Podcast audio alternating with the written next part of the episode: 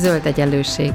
Bolyongás a gazdaság és a fenntarthatóság összefüggései között, az ökológiai közgazdaságtan gondolatai mentén.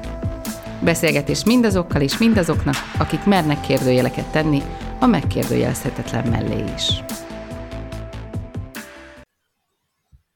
Üdvözlöm a Zöld Egyenlőség hallgatóit, Gébert Judit vagyok, és itt van velem Glid Viktor, a Pécsi Tudományegyetem Politikatudományi és Nemzetközi Tanulmányok tanszékéről, akivel ebben az adásban vízkonfliktusokról fogunk beszélgetni.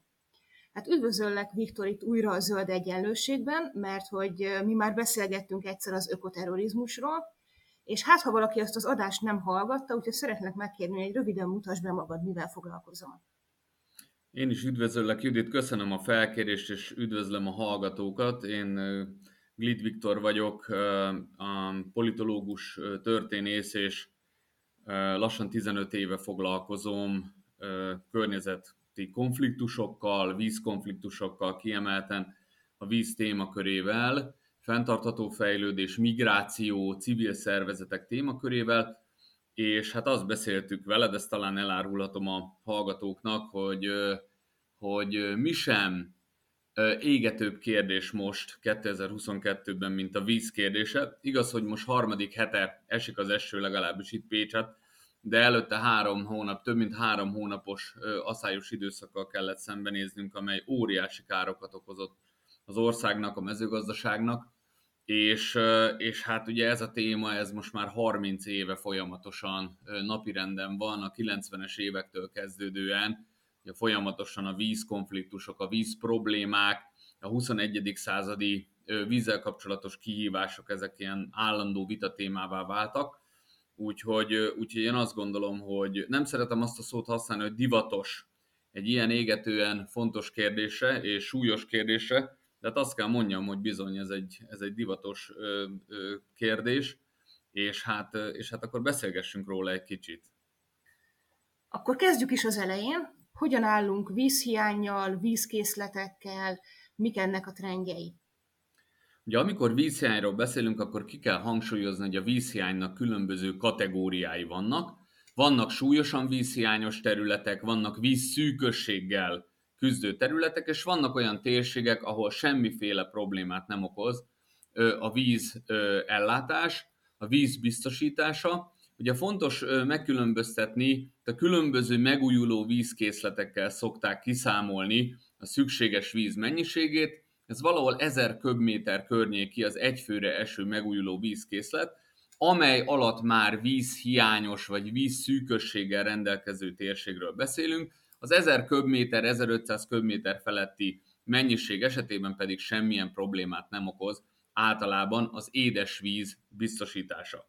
Azt ki kell emelni, hogy az összvízmennyiség mindössze 3%-a édesvíz a földünkön, a maradék 97% az óceánokban, illetve tengerekben található sós víz, amelyet értelemszerűen föl lehet használni, vannak már ilyen sótalanító berendezések, számos ország használ is ilyeneket, de alapvetően fogyasztható édesvizet, kommunális lakossági felhasználásra is alkalmas édesvizet nem állítanak elő, ezt elsősorban ipar, illetve a mezőgazdaság használja.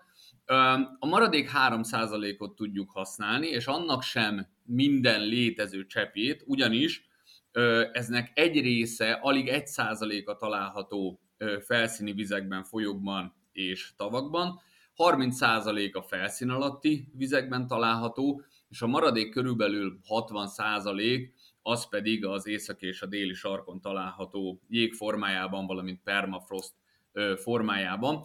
Úgyhogy, úgyhogy alapvetően ez problémára vagy, vagy, vagy aggodalomra ad okot és problémát okozhat, ugyanis a vízkészletek azok, édes vízkészletek azok szűkösek, és most már 8 milliárdan vagyunk a Földön. Az előrejelzések alapján ez 2050-re elérheti a 10 milliárd körüli mennyiséget, 2100-ra pedig a 12-13 milliárd főt, és a vízkészletek azok viszont állandó mennyiséget tükröznek, azaz nem lesz több édes víz egyszerűen a Földön. Ami még problémát okozhat, az pedig a csapadéknak az egyenetlen elosztása, valamint ebből fakadóan az édes víz megléte, mert hogy ez a világon nagyon-nagyon változó módon van jelen. Vannak olyan országok, amelyek nem szembesülnek vízhiányjal, vízszűkösséggel, vízproblémákkal, és vannak olyan országok, nem is messze Magyarországtól akár, amelyek bizony komoly vízhiányjal nézhetnek szembe. Görögországot említeném, Horvátországot, Dél-Olaszországot, Szicíliát, akár Máltát, vagy Dél-Spanyolországot, ahol bizony mindennapos problémát okozhat az édesvízellátás a jövőben, tehát nem kell annyira messzi távoli térségekbe, régiókba menni, mint a közel-kelet térségek, Kuwait, Izrael, Katar, amelyek súlyosan vízhiányos területek, hanem bizony sajnos Magyarországtól nem messze is már ez egy probléma, és hát ugye láttuk, hogy az elmúlt 3-4 hónapban milyen asszájjal nézett szembe Magyarország, amely súlyosan veszélyeztette a mezőgazdaságot, és súlyos károkat okozott az országnak, a mezőgazdaságnak, az iparnak egyaránt, szóval Magyarországnak is szembe kell nézni azzal a problémával, amelyre nem is gondoltunk régebben, víz nagy hatalomról beszéltünk sokáig, és hát ezt bizony ma már azért megkérdőjelezhető módon kell kezelni, hogy Magyarország egyáltalán víz nagyhatalom-e. És mi a helyzet a vízkonfliktusokkal? Mi az, hogy vízkonfliktus egyáltalán? Ugye alapvetően környezeti konfliktusokról beszélünk, amikor azt, azt mondjuk, hogy, hogy létezik egy úgynevezett környezeti konfliktus, akkor vagy a környezeti feltételek leromlásáról beszélünk, egész egyszerűen arról, hogy az adott térségben élő emberek valamilyen ok miatt, persze természetesen alapvetően amiatt, mert szükségük van adott termékekre, természeti erőforrásokra, túlzott mértékben aknázzák ki az adott természeti erőforrás, jelen esetben a vizet. És ez különböző konfliktusokra adhat lehetőséget. Ugye léteznek úgynevezett lokális konfliktusok, amikor egész egyszerűen szűkös mennyiségben áll rendelkezésre a víz, és ezt a víz mennyiséget, ezt nem egyenlő mértékben osztják el az adott közösségen belül. Ez ugye nagyon érdekes dolog, mert amikor a vízről beszélünk, akkor mindig azt gondoljuk, hogy alapvetően a víz arról szól, hogy megnyitjuk a csapot, és akkor folyik belőle a víz, le tudunk zuhanyozni, tudunk inni egy jó pohár hidegvizet, de hát ugye a, a vízfelhasználás jelentős része az nem lakossági vízfelhasználás, hanem ipari és mezőgazdasági vízfelhasználás, és itt meg kell különböztetnünk különböző jellegű vizeket.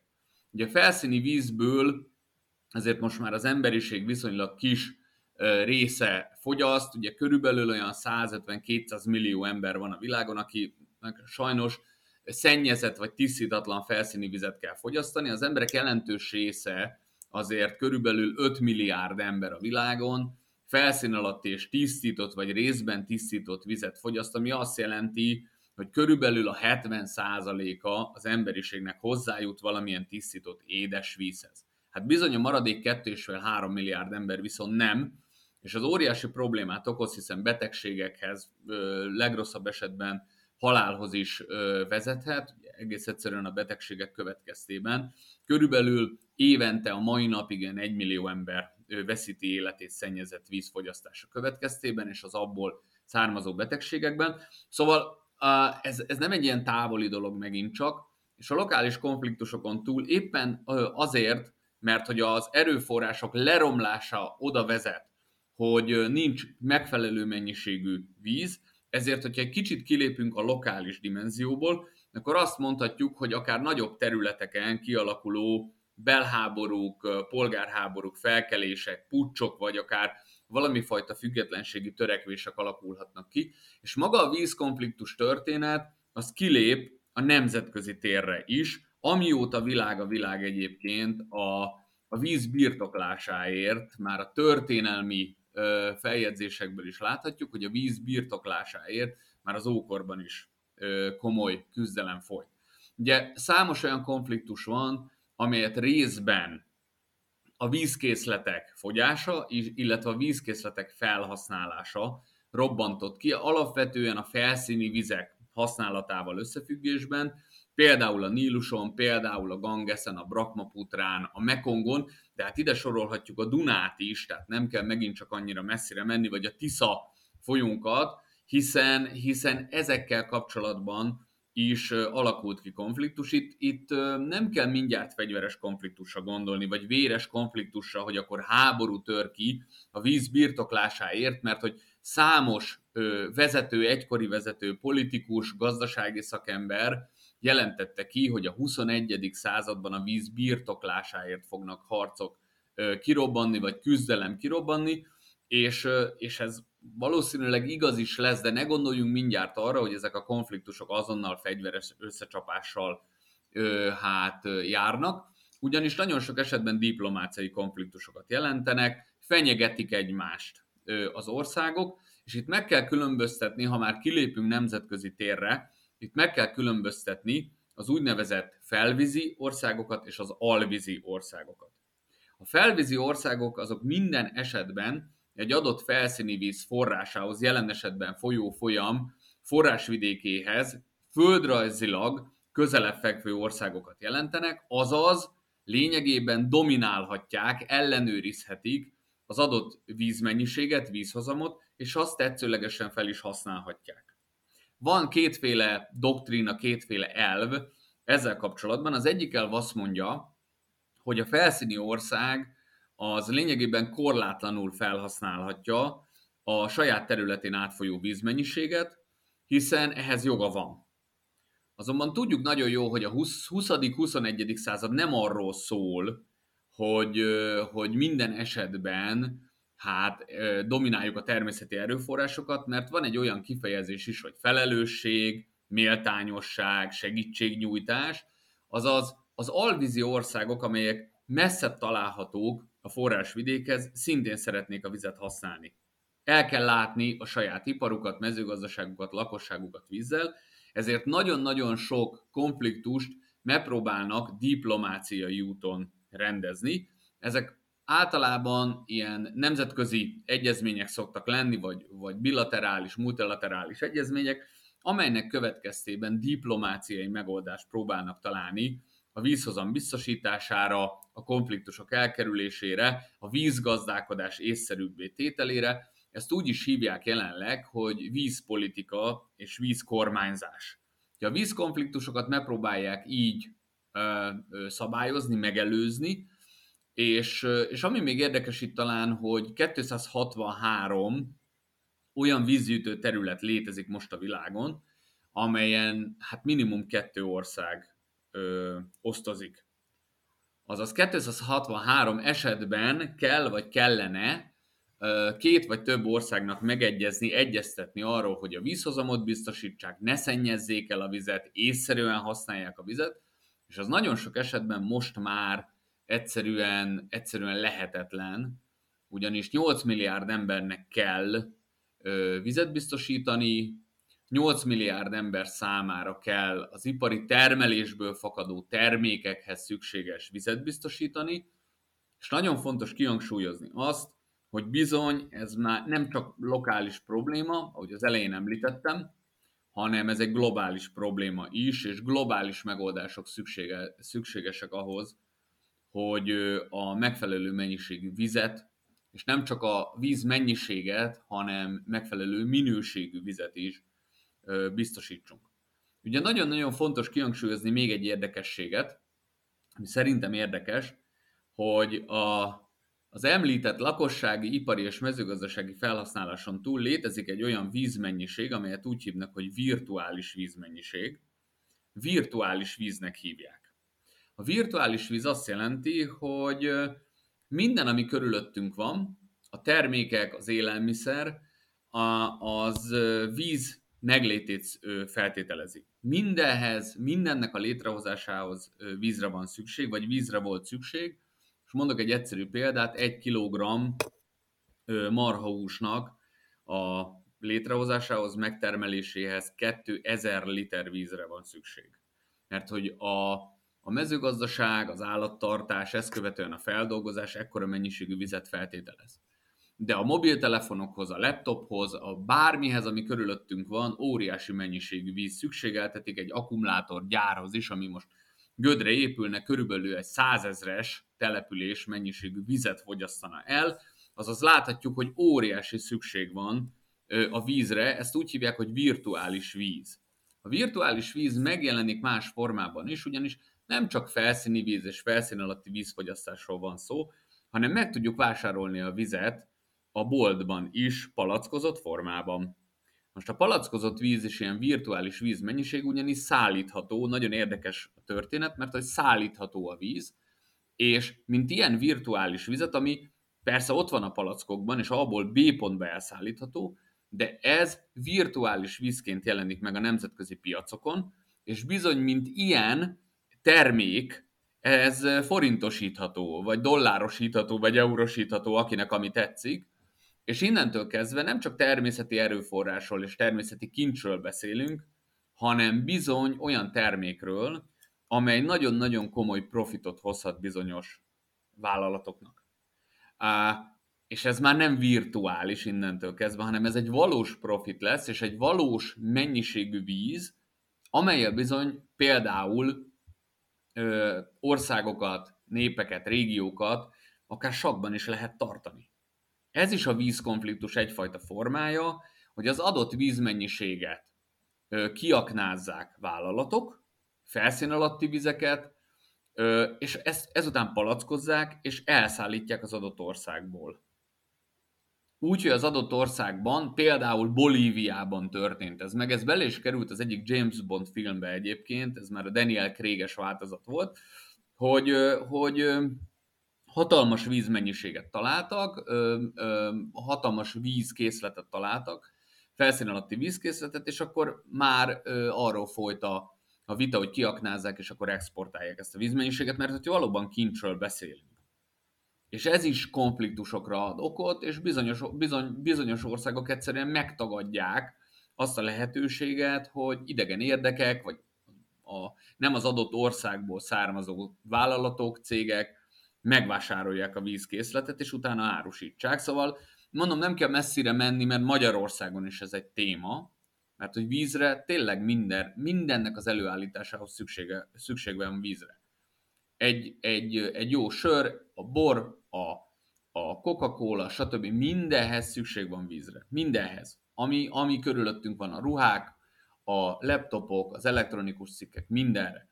És, és hát ez is bizony konfliktust okozhat, és innentől kezdve pedig már nem akarok így a jövőbe ö, ö, nagyon elkalandozni, de ez már egy globális problémát fog okozni a jövőben, amennyiben a vízkészletek, az édes vízkészletek ilyen mértékben fogyatkoznak, mint amennyire most fogyatkoznak. Tehát tulajdonképpen mondhatjuk azt, hogy a vízkészleteink azok hát piacosítva vannak, hogy ilyen közgazdasági kifejezést használjak, és magájószágként kezeli ezeket a piac, ahelyett, hogy közös jószágként ugye kezelni őket. De említettél többször vagy a vízkonfliktusokat. Beszélnél egyről esetleg kicsit részletesebben, hogy ez ugye gyakorlatban hogy nézett ki? Igen, a, a, talán most, hogyha ha ki kéne egyet választani, akkor érde, érdekes lehet talán a Nílus, Nílussal kapcsolatban kialakult konfliktus. Ugye a Nílus a világ leghosszabb folyója, vagy az egyik leghosszabb folyója, amelyen számos ország osztozik, itt is vannak felvízi és alvízi országok. Azért érdekes a Nílus, mert itt az alvízi országok közül nem gyengébb országot találunk, mint például a Mekong folyó kapcsán, amely Kínában ered, és akkor az alvízi, mint felvízi ország Kína dominálja a Mekongnak a vízhozamát, és az alvízi országok között található például Laos vagy, vagy Vietnám, amelyek hát minden szempontból, gazdasági, katonai szempontból gyengébbnek vagy kevésbé erős országnak számítanak, de a, a Nílus esetében ez nem így van, hiszen Egyiptom, mint alvízi ország, az a, a régiónak az egyik gazdasági, katonai, diplomáciai, politikai hatalma, és éppen ezért ugye a Nílus, mint a Egyiptom egyetlen felszíni vízfolyása, a Nílus vízhozamának a biztosítása az rendkívül fontos Egyiptom számára. Egyiptom ugye a 20. század második felében többször háborúzott, ugye Izraellel, és, és érdekesség, hogy az 1973-as háborút követően Anwar Sadat egyiptomi elnök kijelentette, hogy országa a jövőben nem szeretne és nem akar háborút indítani, nem szeretne háborúzni, elege van a háborúkból. Az egyetlen olyan kérdés, az egyetlen olyan gyújtó pont, amelyel kapcsolatban háborút indít Egyiptom, az a Nílus vízhozamának a biztosítása lesz. Most ez azért érdekes, mert a Nílus vízhozamának a biztosítását azt egész egyszerűen csak Egyiptom nem, nem képes eldönteni, ugyanis olyan országokkal kell egyeztetni például, mint Etiópia, vagy teszem a Szudán, óriási kiterjedésű országok, ahol szintén kanyarog a Nílus vagy valamelyik mellékága, forrás tápláló Nílusának egyik mellékága, amelyre az adott ország elkezdett gátakat építeni, illetve vízerőműveket építeni. Javarészt egyébként kínai pénzügyi segítséggel, nem csak pénzügyi, hanem munkásokat is visznek a kínaiak, óriási beruházások, annak érdekében, hogy az adott ország elektromos áram igényét biztosítsák. Na most innentől kezdve a kérdés az felmerül, hogy kinek van joga ezen vízhozam biztosításához, vagy ezen vízhozam felhasználásához, és hogyan tudnak megegyezni ebben a kérdésben. Ez nagyon-nagyon komoly konfliktusokat okozott a 70-es, 80-as évektől kezdve, és akkor, mint említettem, létrehoznak egyezményeket, létezik egy ilyen Nílus egyezmény is, ahogy számos másik folyón létrejött, vagy folyóval kapcsolatban létrejöttek egyezmények, hogy megpróbálják diplomáciai úton ezeket a problémákat orvosolni, de ugyanúgy például Egyiptom megbeszéléseket folytatott Líbiával is a felszín alatti vizek kiaknázására, hiszen Líbia indított több olyan projektet, amely egy az egyben a határon átnyúló felszín alatti vizek kiaknázásáról szólt, és Egyiptomnak itt is közbe kellett lépni, és bizony megfenyegette Líbiát, hogy, hogy egymaga nem aknázhatja ki azokat a mennyiségeket, amelyek átnyúlnak Egyiptom területére. Szóval innentől kezdve ez egy, ez egy olyan pontja, vagy egy olyan referencia pontja a nemzetközi kapcsolatoknak, meg a nemzetközi diplomáciának, amelyet mindig emlegetni szoktak, hogy az egyik legkonfliktusosabb térség, ahol vízkonfliktus a maga elemi erejével ö, ö, robbant ki, hiszen tényleg valóban Egyiptomnak az egyetlen kincse, ismerjük az, a tankönyvekből, már az általános iskolai tankönyvekből a Nílus, és hát en, ezen vízhozam biztosítása pedig egészen, egészen egyszerűen elengedhetetlen Egyiptom számára, pontosan olyan térségben, amely iszonyatos népességrobbanással szembesült az elmúlt 50 évben. Szudán, Etiópia, Egyiptom, meg négyszereződött a népesség. Úgyhogy, és őket el kell látni, az ipari termelést biztosítani kell, a mezőgazdasági termelést biztosítani kell öntözéssel, és egyszerűen ugyanakkor a mennyiségű vizet kell elosztani több száz millió ember között, mint mondjuk az 1970-es években 100 millió ember között. Úgyhogy, úgyhogy, úgyhogy ez egy, de ez számos egyéb komplát, ott van a Duna ügy, ugye a Bősanymaros ügy, illetve a Tisza szennyezésnek az ügye, a cián szennyezés ügy, és hát az azt követő szennyezések, ugye nem kell még egyszer messzire menni, amely évtizedekig elhúzódó mindenféle problémákat okozott pereskedés a szomszédos országokkal, és hát a mai napig ezek nem, nem, nem került pont a, a, a végére. Persze jogi megoldás született, de hát tudjuk, hogy az ökológiai problémák, az ökológiai pusztítása, a, a különböző gazdasági jellegű kérdések, a, a különböző politikai jellegű diplomáciai kérdések a mai napig feszítik a szomszédos, Magyarországgal szomszédos országok és Magyarország viszonyát, például a folyók kapcsán, úgy, hogy van egyébként Dunavédelmi Egyezmény, van a Tiszára is megkötött, 2011-ben megkötött egyezmény a szomszédos országokkal, de pontosan tudjuk, hogy a minden egyezmény akkor érvényesíthető, hogyha betartják, betartják az abban foglaltakat. Hogyha esetleg van még egy percünk, említenék még egy érdekes konfliktus, ez a, ez a Colorado folyóval kapcsolatos konfliktus, Mexikó és az Amerika Egyesült Államok között. Ugye itt is hát határon átnyúló folyókról van szó, most nem akarok ebben részletesebben belemenni. Lényeg a lényeg, hogy 1994-ben Mexikóban kitört egy komoly pénzügyi válság, úgy hívták, hogy tequila válság, és, és Mexikó két dolgot kért az Egyesült Államoktól, ugye annak érdekében, hogy hogy illegális migránsok ne lepjék el az amerikai határt, és ne lépjenek át az Amerikai Egyesült Államok területére. Mexikó azt kérte, hogy ő megpróbálja visszatartani a, a migránsokat, azonban pénzügyi segítséget szeretne kérni, illetve a határon átnyúló folyók vízhozamának a növelését szeretnék kérni, és milyen érdekes az, hogy az Amerikai Egyesült Államok a pénzügyi segítséget megadta, de a vízhozam növelést azt teljes mértékben visszautasította, mint felvízi ország. Mondta, hogy nem áll, nem áll módjában nagyobb vízhozamot biztosítani Mexikó számára, úgyhogy, úgyhogy ez is egy nagyon érdekes, nagyon érdekes dolog, amely, amely, amely ehhez kötődik, és Judit, ha megengeded, még egy dolgot el szeretnék mondani, amit az elején elfelejtettem említeni, hogy önmagában nagyon izgalmasnak tűnik az a kifejezés, hogy vízkonfliktus. Mert hogy a vízért folyó konfliktus az tényleg valami olyan alapvető dolog, amely, amely mindegyünk, mindegyünkben, mindannyiunkban félelmet kelt, én azt gondolom, mert víz nélkül nincs élet. Ugye? Tehát ez egy a legalapvetőbb dolog, hogy víz nélkül egyszerűen, édesvíz nélkül nincs élet. Amit érdemes kihangsúlyozni, szerintem az az, hogy, hogy önmagában vízkonfliktus a történelemben nagyon-nagyon ritka esetben tört ki, csak és kizárólag a víz birtoklása miatt. Ezek rendkívül ö, bonyolult és összetett tényezők, abban a tekintetben, hogy a vízkonfliktus az már valaminek általában a következménye.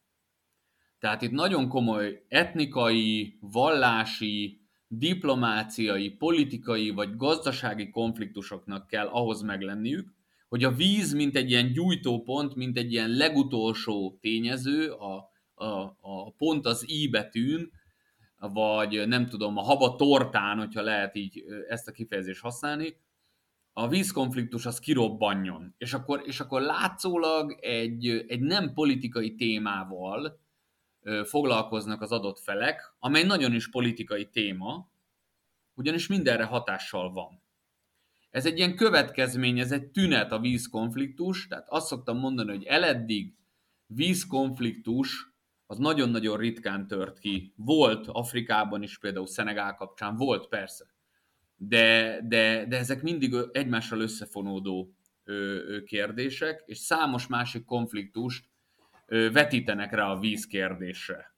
Akár gazdasági, akár politikai, akár társadalmi konfliktus, és bizony a 21. században azt mondják, azt jelzik előre a szakemberek, és a különböző intézetek, amelyek biztonságpolitikával foglalkoznak, például a Wilson intézet, hogy, hogy a 21. század lesz az első olyan század, ahol valóban csak és kizárólag a víz, víz miatt fognak kitörni konfliktusok, akár ami történt Izrael és Szíria között az 1967-es háborúban, ahol Izrael elfoglalja a Jordán folyónak a, a forrásvidékét, amely az egyetlen vízforrása Izraelnek, édesvízforrása, felszíni édesvízforrása, és úgy gondolta, hogy így biztosítja a vízforrását 67-ben, hogy Szíriától elfoglalja a forrásvidéket, de ilyen viszonylag ritkán fordult elő eddig a történelemben, direkt formában, a 21. században az előrejelzések alapján viszont, viszont egyre, gyakor, egyre gyakrabban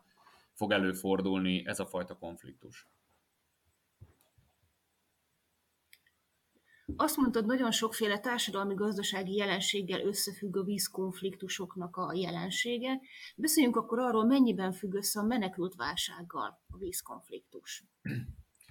Ez igen, ez, egy, ez megint egy, egy remek, rendkívül jó kérdés abban a tekintetben, hogy nagyon nehéz kizárólag a vízre, vagy a klímaváltozásra, vagy a környezeti romlásra, a környezeti konfliktusokra visszavezetni a migrációs hullámokat. Most jelenleg körülbelül 300 millió, 220 és 300 millió fő köré, közé teszik a migránsoknak a számát globálisan, és hát ne próbálják meghatározni, hogy, hogy hány ember hagyta el, hagyja és hagyta el a, az élőhelyét, a lakóhelyét, kizárólag környezeti ö, konfliktus, vízkonfliktus vagy klímaváltozás okozta problémák következtében, és nagyon-nagyon nehéz meghatározni, és egy ilyen, ilyen iszonyatos tág számot szoktak bemondani, hogy 20 millió kötőjel 500 millió. Tehát fogalmunk sincs, hogy valójában hány ember hagyja el a lakóhelyét azért, mert egész egyszerűen környezeti romlás következik be. Ugye fontos kettészedni két, két tényezőt. Az egyik tényező az a természeti katasztrófáknak a tényezője. Ugye szokták volt mondani, hogy a természeti katasztrófák az egy rossz kifejezés, hibás kifejezés, mert a természeti katasztrófa önmagában nem a természetnek okoz kárt, hanem minden esetben az embereknek. Tehát 8 milliárd ember él a Földön, a természeti katasztrófák azok nekünk embereknek okoznak problémákat, mi szembesülünk a természeti katasztrófák problémájával, a természet köszöni szépen jól van, majd rendbe hozza magát, majd, majd újjászületik, de mi emberek bizony újjá kell építsük a házainkat, árvíz után, hurikán után, stb. stb. A, a természeti katasztrófák esetében nincs kérdés, hogy árvíz esetében el kell hagyni a, a lakóját, evakuálják az embereket, és kész, ott vége a, megszűnnek az élet lehetőségek, ideiglenesen vagy tartósan. Azonban a vízkonfliktusok is olyan konfliktus forma, forma mint, vagy típus, mint a klímaváltozás, hogy nem egyik pillanatról a másikra történik, hanem szépen lassan ö, ö, és, és fokozatosan jutunk el arra a pontra, amikor már emberek úgy gondolják, hogy önkéntes módon elhagynak egy adott területet, mert egyszerűen megszűnnek az életfeltételek. Akár Kelet-Afrikában, akár a Szahara vidéken, akár a közel-keleten, akár Közép-Ázsiában, vagy Kína bizonyos részein, csak most mondtam példákat, egész egyszerűen úgy gondolják, hogy olyan mértékű a környezeti degradáció, a környezeti leromlás, hogy ott az életfeltételeik megszűnnek. Ezen emberek jelentős része egyébként nem hagyja el a saját ország határait, tehát ez egy ilyen közkeletű tévedés, hogy mindenki a globális észak felé veszi az irányt, ez nem így van. A migráció jelentős része az a globális délen történik, a körülbelül a 70% az a globális délen történik, azaz egyszerűen nem hagyják el a saját országukat, régiójukat, hanem olyan helyre költöznek egy adott régión belül, ahol még az életfeltételek biztosítottak. Nagyon egyszerű a történet, tehát el, elsősorban városokban, ahol a kinyitják a csapat, akkor ilyen-olyan formában még, még folyik a víz. Ugye ki kell hangsúlyozni azt, hogy most már ö, ö, több helyen a világon, például Dél-Afrikában, Bangladesben vagy Indiában eljutottunk az úgynevezett Zero Day-hez, a nulladik naphoz, amikor egész egyszerűen megszűnt a vezetékes vízszolgáltatás. Tehát most van az a pont, hogy több helyen a világon, milliós városokban megszűnt a vezetékes vízszolgáltatás, és ilyen lajtos kocsikkal meg, meg különböző ballonokban vitték ki az édesvizet, hogy egyáltalán inni tudjanak az emberek, meg az állatok, meg, a, meg mondjuk lehessen fürdeni. Pontosan azért, mert az asszály következtében, a csapadékjány következtében egész egyszerűen a víztározók, az adott térség víztározói annyira leapadtak, hogy nem tudták ellátni a vezetékes vízszolgáltatásnak a, a kötelezettségét. A, értelemszerűen több millió ember, több tízmillió ember nem tud elvándorolni egy adott térségből, ezért megint csak előjön az a kérdés, hogy uh, hát mit lehet tenni, a víz szállítható, változatlanul mondanám, a víz az folyik, szállítható, és ezért talán egyszerűbb a vizet adott térségekbe vinni, mint hogy az emberek mennek el egy adott térségből csak azért, mert olyan aszályos ö, időszak van, lásd Kelet-Afrika, hogy, hogy egyszerűen megszűnnek az életfeltételek. Mindenki nem tud eljönni. Mint mondtam, ugye 20 és 500 millió közötti a szám. Tehát nem tudjuk pontosan, hogy mennyi ember. Én azt szoktam mondani mindig, hogy más kiváltó tényezőkkel összefüggően a környezeti tényezők is egy tényezői annak a motivációnak, annak az elemnek, hogy egy adott illető, egy család úgy gondolja, hogy na elég volt, és elmegy máshova a környezeti migráció, vagy a víz, vízkonfliktusokból fakadó migráció is egy ilyen elem, hogyha egész egyszerűen megszűnik a lehetőség az életre, mert mondjuk egy olyan szigeten él valaki, néhány tízezer emberről beszélünk, amely egész egyszerűen a tengervízszint emelkedés következtében el fog tűnni a csendes óceánban, mert hogy most már vannak ilyen szigetek, Tuvalu vagy a Marshall szigeteket, hogyha említjük, akkor, vagy a Maldív szigeteket teszem azt, Kiribatit például, akkor bizony egyszerűen megszűnnek az életfeltételek, és akkor tovább kell állniuk. Indiába, Sri Lankára, Ausztráliába, Fülöp-szigetekre, stb. próbálnak elmenni, mert hogy egyszerűen megszűnik az életfeltétel. Az élet körülmények nem adottak ahhoz, hogy tovább lehessen élni. Um, azonban a többi helyen azért megpróbál, megpróbálják ezeket a, ezeket, a, ezeket a problémákat helyi szinten, lokális szinten ö, valahogy ö, megoldani. Szállítható az élelmiszer, szállítható a víz, a környezeti, természeti erőforrások jelentős része ugyanúgy szállítható, vagy feldolgozás után szállítható, ezért meg lehet ezt oldani, csak ezek nem hosszú távú megoldások általában, hanem ilyen, ilyen tűzoltó jellegű megoldások.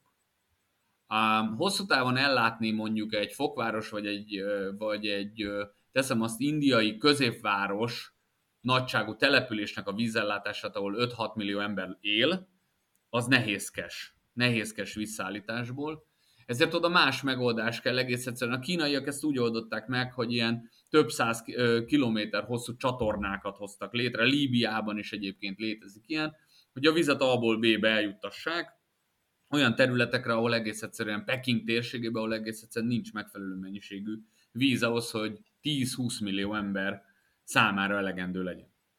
Um, hát ez sem jó, mert tudjuk, hogy Kína milyen iszonyatos ökológiai katasztrófával néz szembe ennek következtében, meg a folyói jelentős része azok kezdenek kvázi kiapadni, és már nem érik el a, ten, a tengereket, óceánokat, tehát hogy, hogy iszonyatos problémával néznek szembe, hogy, hogy ez mit fog okozni a jövőben. Mint említetted te is, a vízkonfliktusok, a környezeti konfliktusok, a klímaváltozás és a migráció, erre tényleg vannak negatív, meg, meg kevésbé negatív szenárióink, forgatókönyveink. A negatív alapján fél milliárd ember fogja elhagyni az elkövetkező 30-40 évben az élőhelyét, a pozitívabb vagy kevésbé negatív forgatókönyvek szerint pedig az adott térség összefogva a globális döntéshozókkal, összefogva a globális hát, nagyhatalmakkal, megpróbálja valahogy orvosolni ezt a, ezt a kérdést. Pontosan azért, mert fél milliárd ember kimozdulása egy adott térségből olyan egyéb problémákat fog, vagy, vagy konfliktusokat fog generálni, amelyek beláthatatlan következményekkel járnak. Egyszerűen beláthatatlan következményekkel, és hát erre most kell választ találni, mert valószínűleg a 20 év múlva már késő lesz.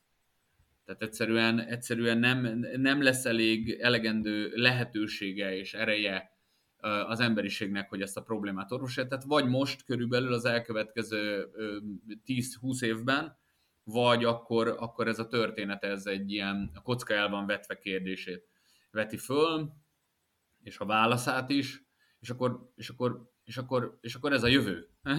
és akkor ezt itt nem is folytatom, mert nem akarok senkit, senkit lehozni az életről, de hát ez a jövő akkor, tehát azért azt el kell mondom, hogy az emberiség a történelme során, amikor válságjelenségekkel szembesült, akkor mindig megpróbált ezekre választ adni, és ezek a válaszok ezek többé-kevésbé azért adekvát és, és hasznos válaszok voltak, hiszen rendelkezésünkre áll a technológia, a 21. századi technológia, létre tudunk hozni ö, olyan termékeket, olyan szolgáltatásokat, amelyekről nem is tudtuk, hogy léteznek.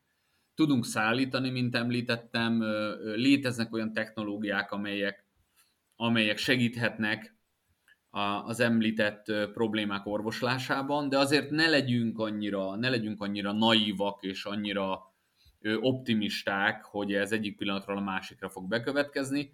Általában a világ mindig akkor szokott lépni, emberek ilyenek vagyunk, hogy húzzuk, halasztjuk a problémáknak a megoldását, és amikor beüt a krak, amikor mohács jön, akkor lépünk, és akkor kitalálunk valami újat, vagy felhasználunk olyan technológiát, amely már létezik, de, de nem akartuk, vagy politikai akarat, vagy gazdasági akarat hiány nem tudtuk felhasználni.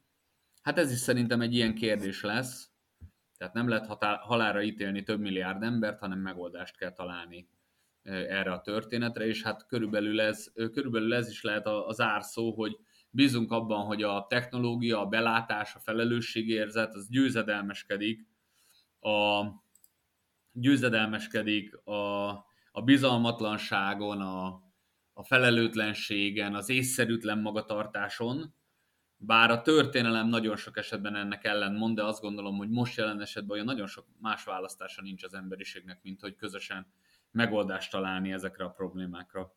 Igen, ez egy jó zárszó volt, azt hiszem, egy optimista zárszó volt.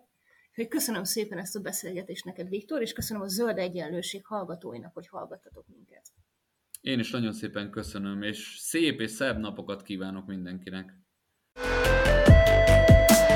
Ez volt az Új Egyenlőség zöld podcastjának mai adása. Hallgassátok az Új Egyenlőség piros podcastot is. Nézzétek a stúdióbeszélgetéseket a YouTube csatornákon, és olvassátok a www.újegyenlőség.hu-t. Vitatkozzatok velünk a Facebook oldalunkon. Jövő héten újra találkozunk.